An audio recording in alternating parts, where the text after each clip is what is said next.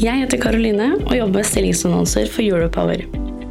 Europower har mer enn 7000 abonnenter, og podkasten du nå lytter til, har mer enn 300 ukentlige lyttere. Hvis du er på jakt etter ny jobb, se stilling.europower.no. Ta også gjerne kontakt med meg dersom du ønsker å annonsere ledige IT-stillinger i fornybar energibransje.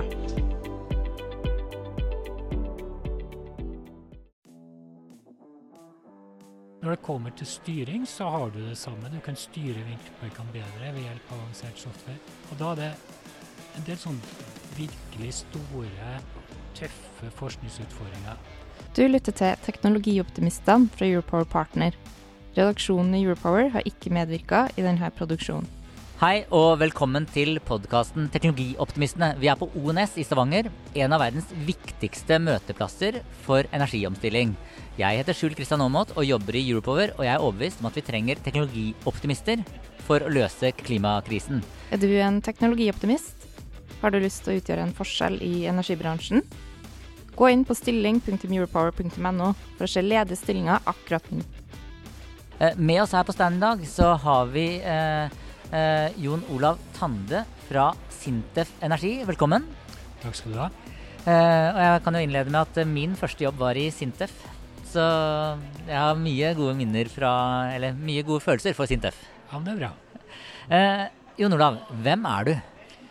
Jo, eh, jeg er da Jon Olav eh, Tande, eller Jon Olav Gjæver Tande som jeg heter fullt ut. Eh, Jeg er en teknologioptimist, vil jeg si. Det er bra. Eh, jeg, tror, eh, jeg tror at eh, teknologi har bidratt med mye løsninger.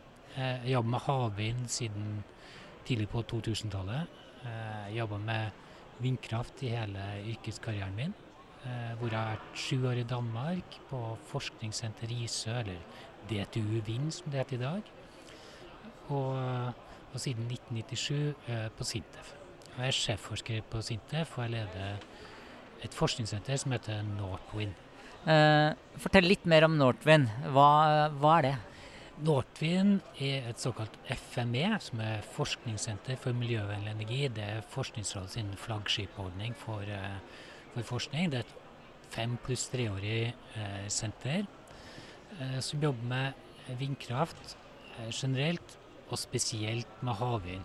Eh, så det er veldig fokus på havvind i, i senteret. Vi har med oss eh, omtrent 40 industripartnere.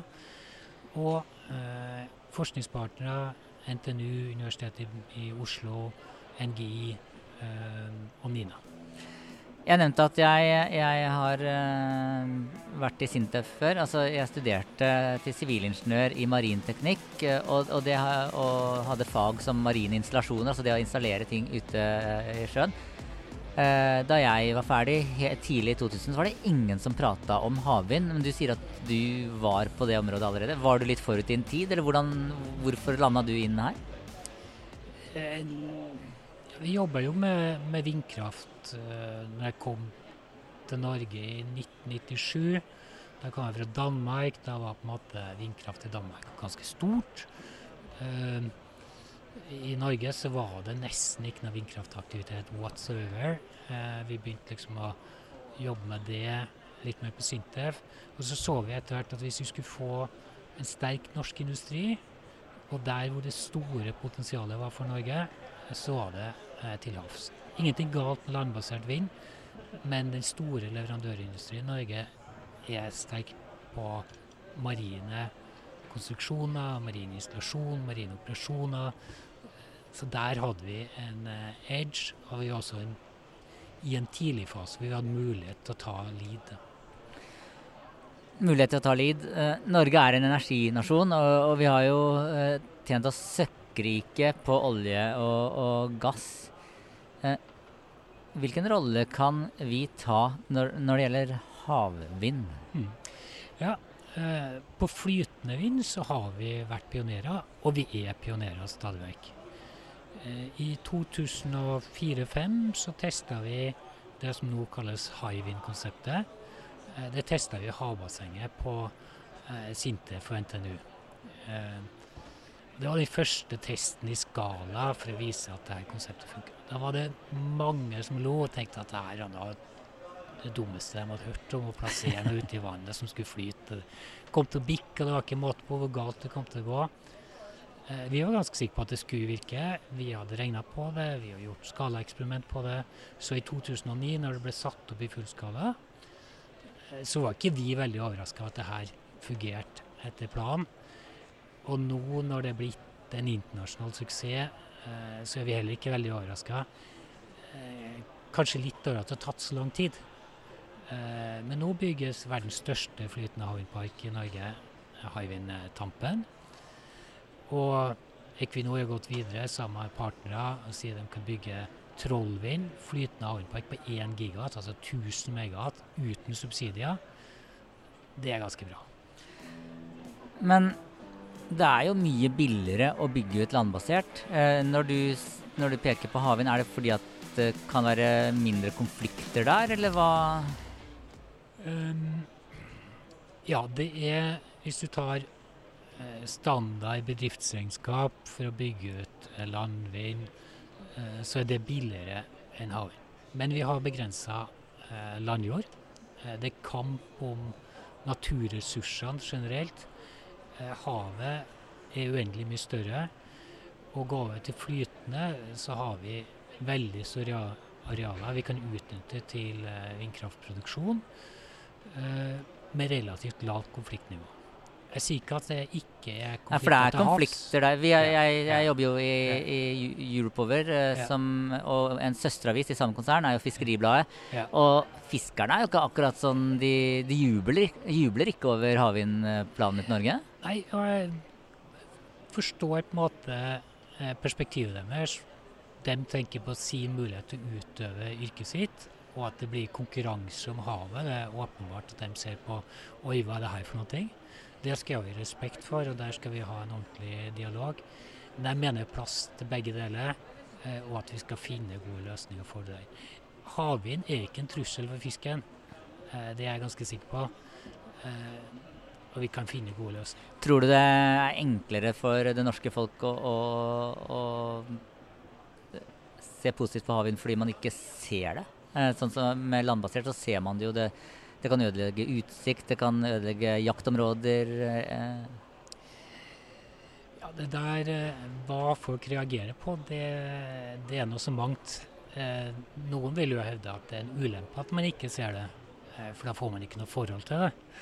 Eh, eh, men det som er blitt veldig tydelig i løpet av de siste månedene, blitt veldig forsterka, er at samfunnet er helt avhengig av god energitilgang, eh, rikelig energitilgang, for at vi skal ha rimelig kraft. Eh, og da har vi en av de teknologiene som kan bidra med det. Og jeg tror eh, det å bygge ut på land er absolutt en mulighet. Eh, men vi, vi, kan ikke bare baseres på én teknologi. Vi kan også bruke sol, vi kan bruke vannkraft. Havvind er en viktig del av eh, framtida. Eh, regjeringen har eh, som ambisjon eh, at vi skal ha tildelinger på 30 gigawatt innen 2040. Gigawatt, megawatt altså. Hvor mye er 30 gigawatt? 30 gigawatt er ca. like mye som vi har vannkraft i dag. Så en utbygging av 30 gigawatt havvind, enkelt fortalt, er det samme som sa kraftsystemet i Norge i dag, og så doble det. Og så gjør det ut til havs. Det er en kjempestor utfordring og en kjempestor mulighet. Vi skal investere størrelsesorden 1000 milliarder norske kroner der. Det er en kjempestor mulighet for norsk industri til å etablere grønne, nye verdikjeder, få til store, storstilt eksport. Og vi kan få store mengder energi. Vi kan doble energiproduksjonen vår i Norge ved hjelp av 30 gigawatt. Men så er det noe som jeg ikke helt forstår, og da kommer sivilingeniøren i meg eh, inn. Uh, for 30 gigawatt, altså uh, det er da når man kjører på maks, at det blåser. Mm. Men uh, det blåser jo ikke hele tiden, så egentlig så går det vel ikke an å si at det er like mye som vannkraft. For der, på vannkraft kan man jo kjøre så å si hele tiden, eller? Vi, vannkraftverkene våre i dag produserer sånn røftlig 140 teratimer i et normalår. Um, og så kan det variere pluss-minus 30% avhengig av hvor mye eller lite det regner. Eh, vindkraften eh, vil 30 gigawatt vil ca. være um, 140-150 TWh i året. Vil også variere fra år til år, kanskje pluss-minus 20% altså litt mindre fra år til år-variasjoner. Men det er klart det vil variere fra time til time, fra uke til uke, til måned til måned. Så man trenger vannkraften for å balansere det her. Eh, tidligere i dag på stand så hadde jeg en, eh, så hadde en prat med Ernst Kloster fra Subsea 7. Han pratet om å lage store havvind, nei, jeg skal si, havbunnsbatterier. Eh, som kunne eh, via pumpekraft lagre eh, energi fra havvind. Eh, sånn at man kunne bruke det når det ikke blåste. Mm. Tror, har du noe tro på den type løsninger? Det er et veldig kult konsept. Det er jo som et eh, subsea vannkraftverk. Eh, pumpekraftverk. Ja. Altså du putter en eh, flaske ned på havbunnen, for å si det litt enkelt. Eh, fyller den med vann. Da produserer du strøm. Pumper ut. Da er det ja, pumper det ut. så, så, vi kan etter hvert se for, for, noe av kritikken mot vindkraft er jo det at du må bruke det når det blåser, men etter hvert så kan vi se at man kan spare på det òg. Ja, man kan absolutt ha energilager offshore. Hvorvidt det Altså Man må se på en systemløsning. Vannkraften vår på land vil ha en rolle. Vi kan ha energilager til havs. Eh, Subsea-løsninger. Man kan ha eh, batterier. Elon Musk jeg hørte på åpninga her, han var veldig opptatt av batterier, forståelig nok. eh, man kan produsere hydrogen. Eh, så det er veldig mange muligheter for balansering. Uh, et ja- eller nei-spørsmål. Uh, det det er, jo politisk betent med tanke på strømpris og alt mulig. Men bør vi eksportere kraft til utlandet fra havvind? 30 eh. gig, altså Hvis vi skal doble, doble kapasiteten, uh, vannkraft nå, doble dette, da blir det jo altfor mye. Bør vi, bør vi eksportere? Jeg kan svare litt på det sånn at nå står vi i en krise i Europa vi har en energikrise, vi har en krig i Europa. Eh, vi må stå sammen i den krisen. Og hvis vi det også bidrar i en europeisk dugnad til å skaffe nok energi, eh, det mener jeg ikke er kontroversielt. Vi bør kunne bidra så godt vi kan fra norsk side. Vi bidrar med stor gasseksport. Eh, hvis vi har et overskudd av kraft, selvfølgelig skal vi kunne eksportere det. Hvis vi ikke skulle kunne eksportere kraft, så kunne vi heller ikke importere kraft når vi hadde behov for det. Når vannkraften vår varierer pluss-minus 30% fra ett år til et annet, så betyr det at hvis vi ikke skulle kunne eksportert eller importert, så måtte vi hatt en enormt mye større vannkraftproduksjon enn vi har i dag, for å sikre oss i tørrår. Så vi bør uh, etter hvert få hybridkabler, som det kalles, uh, til disse vindkraft-havvindene. Uh, vi er allerede en del av det europeiske kraftsystemet, og vi vil fortsette å være en del av det europeiske kraftsystemet. og det er nærmest utenkelig at vi ikke skal ha en utveksling med kraft med Europa framover. Hva er de viktigste politiske beslutningene som må fattes i nær fremtid for at, at vi skal få se et norsk havvindeventyr? Eh, først og fremst må man få eh, satt i gang de utbyggingene man har planlagt. Eh, Dvs. Si at man må komme fra at områdene er åpne, til at de faktisk velger hvem som skal bygge ut på de områdene i Sørlige Nordsjøen og Utsira. Så må man få åpna nye områder som man kan bygge ut på andre områder i Norge. Vi trenger en kraftfull havvindsatsing i Norge. Er det litt for mye ord øh, fra regjeringen og litt for lite handling, eller? Er du en teknologioptimist? Har du lyst til å utgjøre en forskjell i energibransjen? Gå inn på stilling.europower.no for å se ledige stillinger akkurat nå. etablerte jo en oljeskattepakke eh, under covid. Hva om å etablere en havvindpakke eh, av tilsvarende størrelse, som satser både på forskning, innovasjon, utbygging. Tror du det kommer? Jeg er teknologioptimist. Ja, det er bra. Hvilke, hvilke, teknologivalg eh, hvilke store teknologivalg har blitt fatta eh, av bransjen eh, de siste årene når det gjelder havvind? Har det vært noe sånn A eller B, og så har hele bransjen valgt A? Ja. Uh, Det er jo først og fremst en deling mellom bunnfast og flytende. Og man har bygd ut ja, 25 gigat bunnfast og 100 megawatt, altså 0,1 gigat flytende, røftlig. Men når man ser på videre teknologi, så var det en runde f.eks. i Skottland hvor man delte ut lisenser. Det var 60% av de lisensene på flytende. Så bransjen har gått fra å være skeptisk til flytende til å bli veldig eh, optimistisk og på en måte tenke at flytende er virkelig noe å satse på framover. Men det er mye dyrere eh, å utvikle flytende?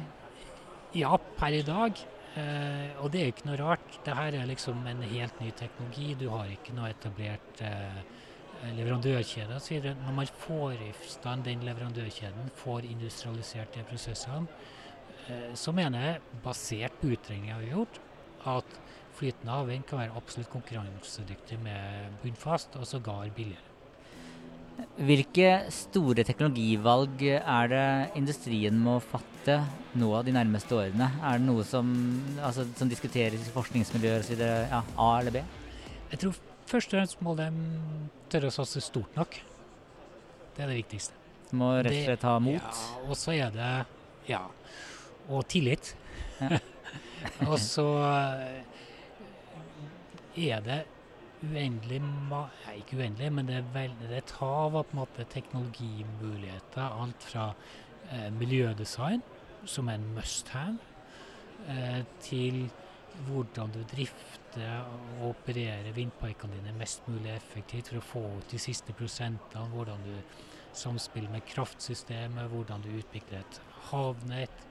Ja, produserer du hydrogen, produserer du strøm. Det er Uh, you name it, you got it. Det er virkelig mye å ta fatt for for en uh, ingeniør. Og, uh, og for en, sjef, en sjefforsker i Sintef som har ja. spesialisert seg på havvind, så blir ikke arbeidsledig med Hei, det, det første? masse gøy å ta tak nå går vi jo litt bredt i denne episoden, siden vi er her på, på ONS.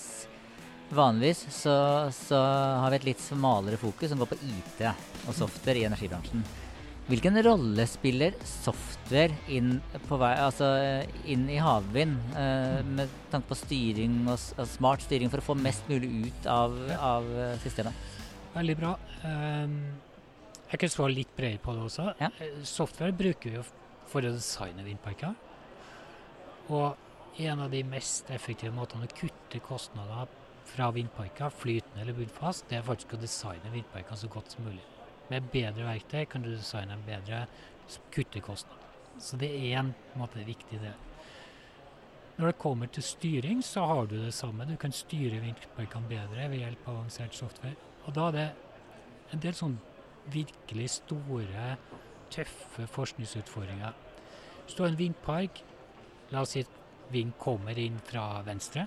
Vindparkene står liksom på vindturbinene står liksom på rekke og rad her, så bremses jo vinden etter hvert som den tas opp av vindturbinene og omdannes til elektrisitet.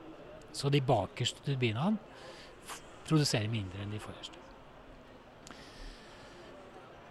Så vet man at hvis man reduserer produksjonen litt ned på de første, så vil de bakerste produsere mer hvor mye man skal redusere ned for å få liksom, maksimert produksjon fra vindparken, er ikke så enkelt å beregne, og man må gjøre det eh, on the fly, altså i sanntid. Og da må man ha avanserte måter å beregne hva er vinden nå, hvordan vinden påvirkes av å styre turbinene. Det her er eh, maskinlæring, det er avansert fluidynamikk, og det er reguleringsteknikk, det er virkelig en sånn uh, high science-oppgave hvor du kan tjene veldig mye. Og gjør du det, så er det ingen investering annet enn i forskning og utvikling. Og så er det en kontrollalgoritme som du endrer. Så det er genialt. Så det handler rett og slett om å bruke eh, maskinlæring og, og, og, og, god software til å fange vinden best mulig? Ja. For når vinden er forbi, så er det jo for seint? Yes. Det er litt uh, det, Dette er kult. Det er det. De aller beste hodene må jo inn i denne bransjen. Hvordan lykkes dere med å tiltrekke dere de smarteste, flinkeste nyutdanna menneskene?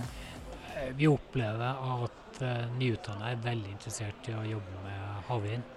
Uh, det er noe som uh, ungdom, dem som nyutdanna, og også dem som har jobba lenger i bransjen, syns er attraktivt, spennende. De ser på der. både fordi at det er skikkelig spennende utfordringer, og fordi at det er framtidsretta noe man tror på som er teknologi for en bedre verden. Eh, jeg pleier å ha et fast spørsmål i denne podkastserien. Min første datamaskin, det var en Amiga 500. Hva var din første datamaskin? Var det ikke noe som het Sinclair? jeg vet ikke. Jeg tror det var en Ja. Sinclair som var det aller første da. Var det å spille spill på, eller var det jobbe Ja, det var vel kombo. Vi laga jo spill sjøl, da. Og så spilte vi spill. Ja. Men det var vel det som var liksom greia, da. Det har skjedd litt siden den gang. Men det var utrolig kult.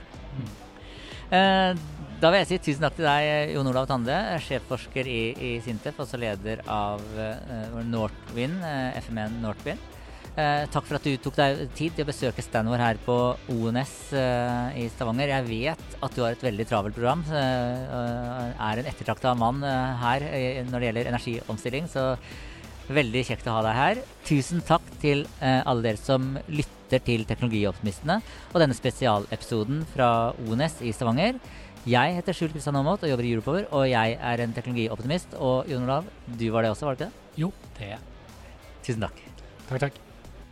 Er du en teknologioptimist? Har du lyst til å utgjøre en forskjell i energibransjen? Gå inn på stilling.europower.no for å se ledige stillinger akkurat nå. Jeg heter Karoline og jobber med stillingsannonser for Europower. Europower har mer enn 7000 abonnenter, og podkasten du nå lytter til, har mer enn 300 ukentlige lyttere. Hvis du er på jakt etter ny jobb, se stilling.europower.no. Ta også gjerne kontakt med meg dersom du ønsker å annonsere ledige IT-stillinger i fornybar energibransje.